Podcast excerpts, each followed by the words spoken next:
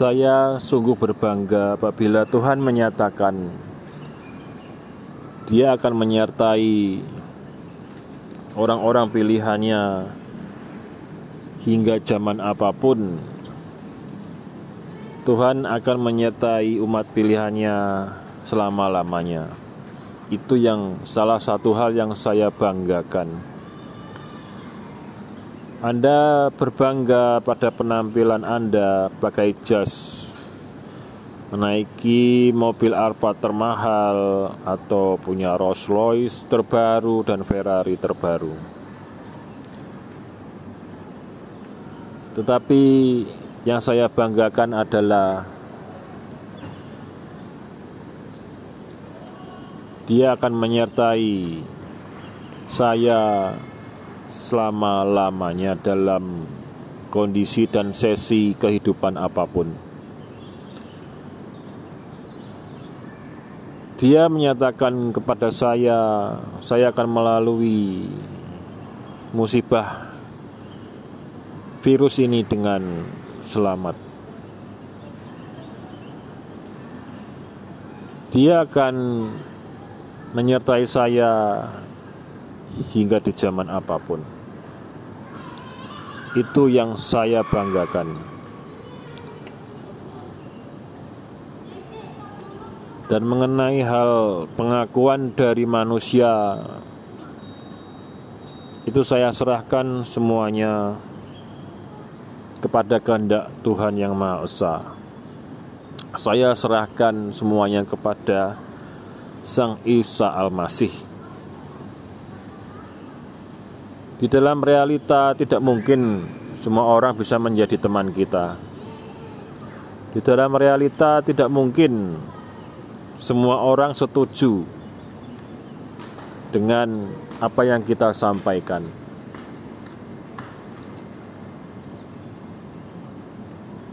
Tujuan utama saya sebenarnya tidak mencari pengakuan dari manusia. Apa yang saya kerjakan menjadi suatu sukacita adalah saya bisa mendapatkan tanda-tandanya dan bisa berkomunikasi dengan Isa Al-Masih.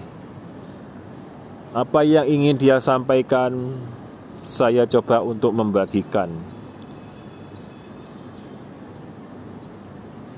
Yang pernah saya alami adalah dia memberikan kasih yang berlimpah-limpah sehingga seakan-akan saya sendiri tidak dapat menampungnya dan harus saya bagikan kasih itu kepada sesama.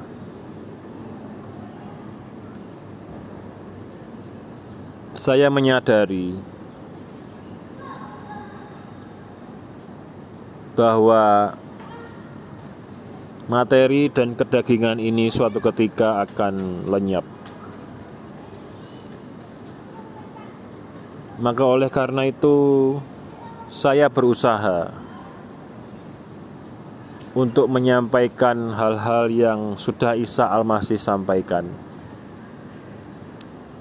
Yang tentu bertujuan untuk suatu penyaluran kasihnya, suatu misi keselamatan, suatu tujuan menuju kebaikan.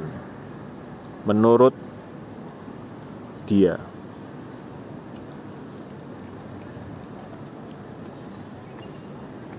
apa yang saya sampaikan, Anda boleh tidak setuju. Itulah adalah hal yang wajar saja di dunia ini. dan tujuan utama saya bukanlah mendapatkan pengakuan dari manusia. Syukurlah apabila ada manusia yang bisa mengerti dan memahami apa yang saya sampaikan. Karena tugas saya adalah menyampaikan apa yang ingin dia sampaikan. Tentu saya sebagai manusia memiliki kekurangan dan kelemahan juga. Suatu ketika saya berdialog dengan seorang pendeta. Dan pendeta itu bertanya kepada saya, "Apa pekerjaanmu?" Saya jawab, "Saya bekerja bagi kerajaan sorga." Kemudian, apa yang terbentuk di dalam pikiran pendeta itu langsung timbul. Apakah Anda seorang pendeta? Nah, itulah. Orang-orang lulusan teologi itu logika dan karakternya dan kecerdasannya itu sudah terbentuk dipagari, dibatasi. Seakan-akan orang-orang yang dipakai Tuhan untuk bekerja itu adalah mereka-mereka yang punya gelar, punya jabatan pendeta, orang-orang yang sudah sekolah kerohanian, orang-orang yang punya jabatan S1, S2, S3, S11 dari sekolah teologi atau sekolah-sekolah kerohanian. Itu adalah sesuai dengan apa yang sudah pernah Tuhan sampaikan kepada saya bahwa apabila engkau masuk sekolah-sekolah teologi engkau akan seperti di penjara engkau akan dibatasi ruang geraknya engkau akan dikurung cara berpikirnya. Tuhan itu sangat kreatif. Suatu ketika Tuhan pernah menunjukkan kepada saya bahwa Dia bisa bekerja melalui seorang pedagang asongan, dan saya sungguh terheran-heran karena sebelum itu saya selalu memuja-muja atau menganggap bahwa pemuka-pemuka agama adalah yang dipakai Tuhan. Ternyata tidak. Banyak pemuka agama yang dipakai iblis juga ternyata. Banyak orang-orang awam, orang-orang kecil, orang-orang yang tidak terpandang yang dipakai Tuhan ternyata. Tuhan itu sangat kreatif saudara-saudara sekalian.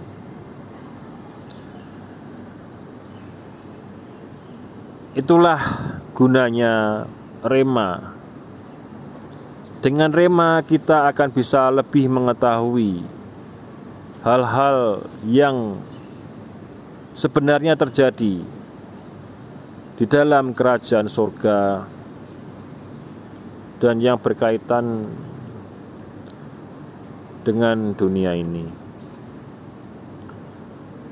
Apabila hanya memandang dan memiliki kemampuan logos, maka hanya bisa melihat yang dilihat oleh mata dan mendengar yang didengar oleh telinga saja yang biasa iblis itu selalu menggoda kita melalui indera-indera kita, terutama panca indera.